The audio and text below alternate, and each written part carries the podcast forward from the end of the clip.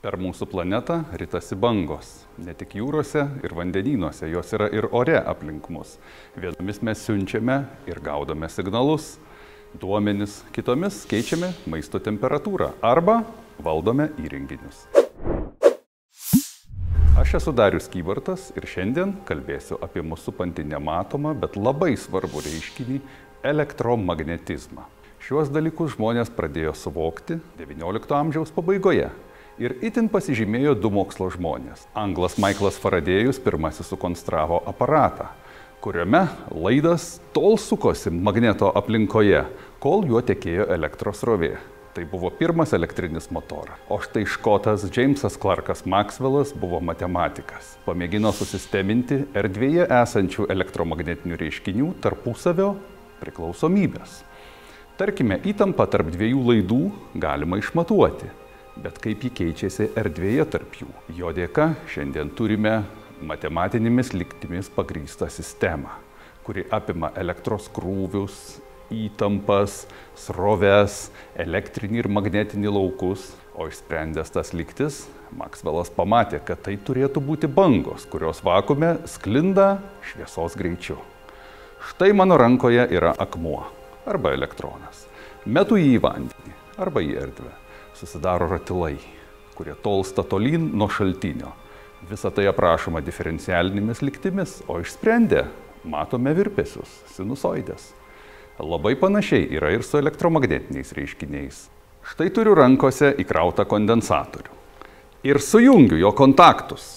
Pokšt žaibo iškrova, kuri senais laikais būtų padariusi didžiulį įspūdį stebuklo iš žinio laukiančioms minioms, bet tai ne stebuklai, o mokslas.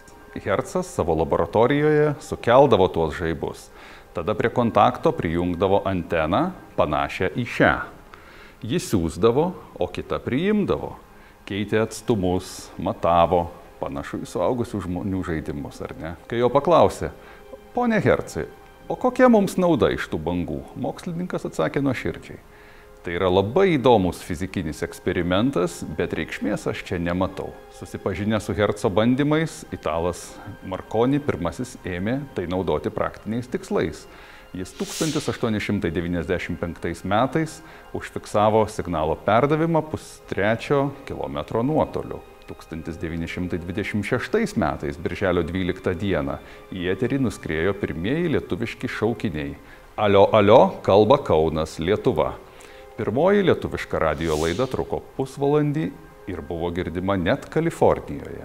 Mūsų ausis girdi dažnius nuo 20 Hz iki 20 kHz. Su amžiumi klausa blogėja, todėl suaugę dažniausiai girdi tik iki 14 kHz arba dar žemiau.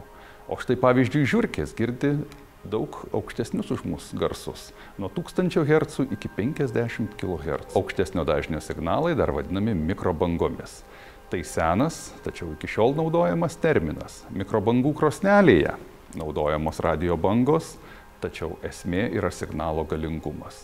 Nes terminis radio bangų poveikis išgaunamas maždaug pusės arba pusantro kilovato galingumu esant 2400 MHz mikrobangoms. Tuo tarpu mobilaus įrenginio signalas, kurį mes laikome prie ausies, yra vos vienas vatas ir terminio poveikio kūnui nėra. Vis dėlto patys stipriausi elektromagnetinių bangų šaltiniai yra natūralūs, tarkime Saulė. Jis spinduliuoja 400 jotavatų energijos, o mums nuo jos tik maloniai šilta. Bet sugrįžkime prie kadaise užduoto klausimo ponui Hercui. Kokia iš viso to nauda?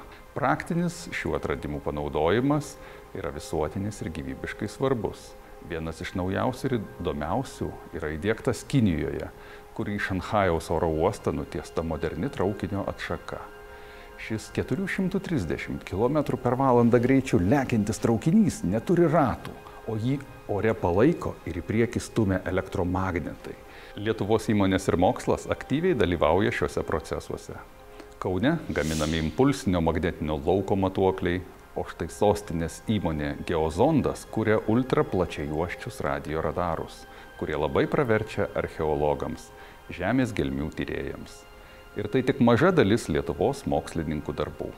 Aš esu Darius Kybartas iš Kauno technologijos universiteto ir šiandien jums papasakojau tik labai nedidelę dalį to, kas mokslui žinoma apie elektromagnetizmą. Įsijunkite ir kitą laidą Pamokslas, kuris skirta visiems besidomintiems technologijų progresu ir inovacijomis.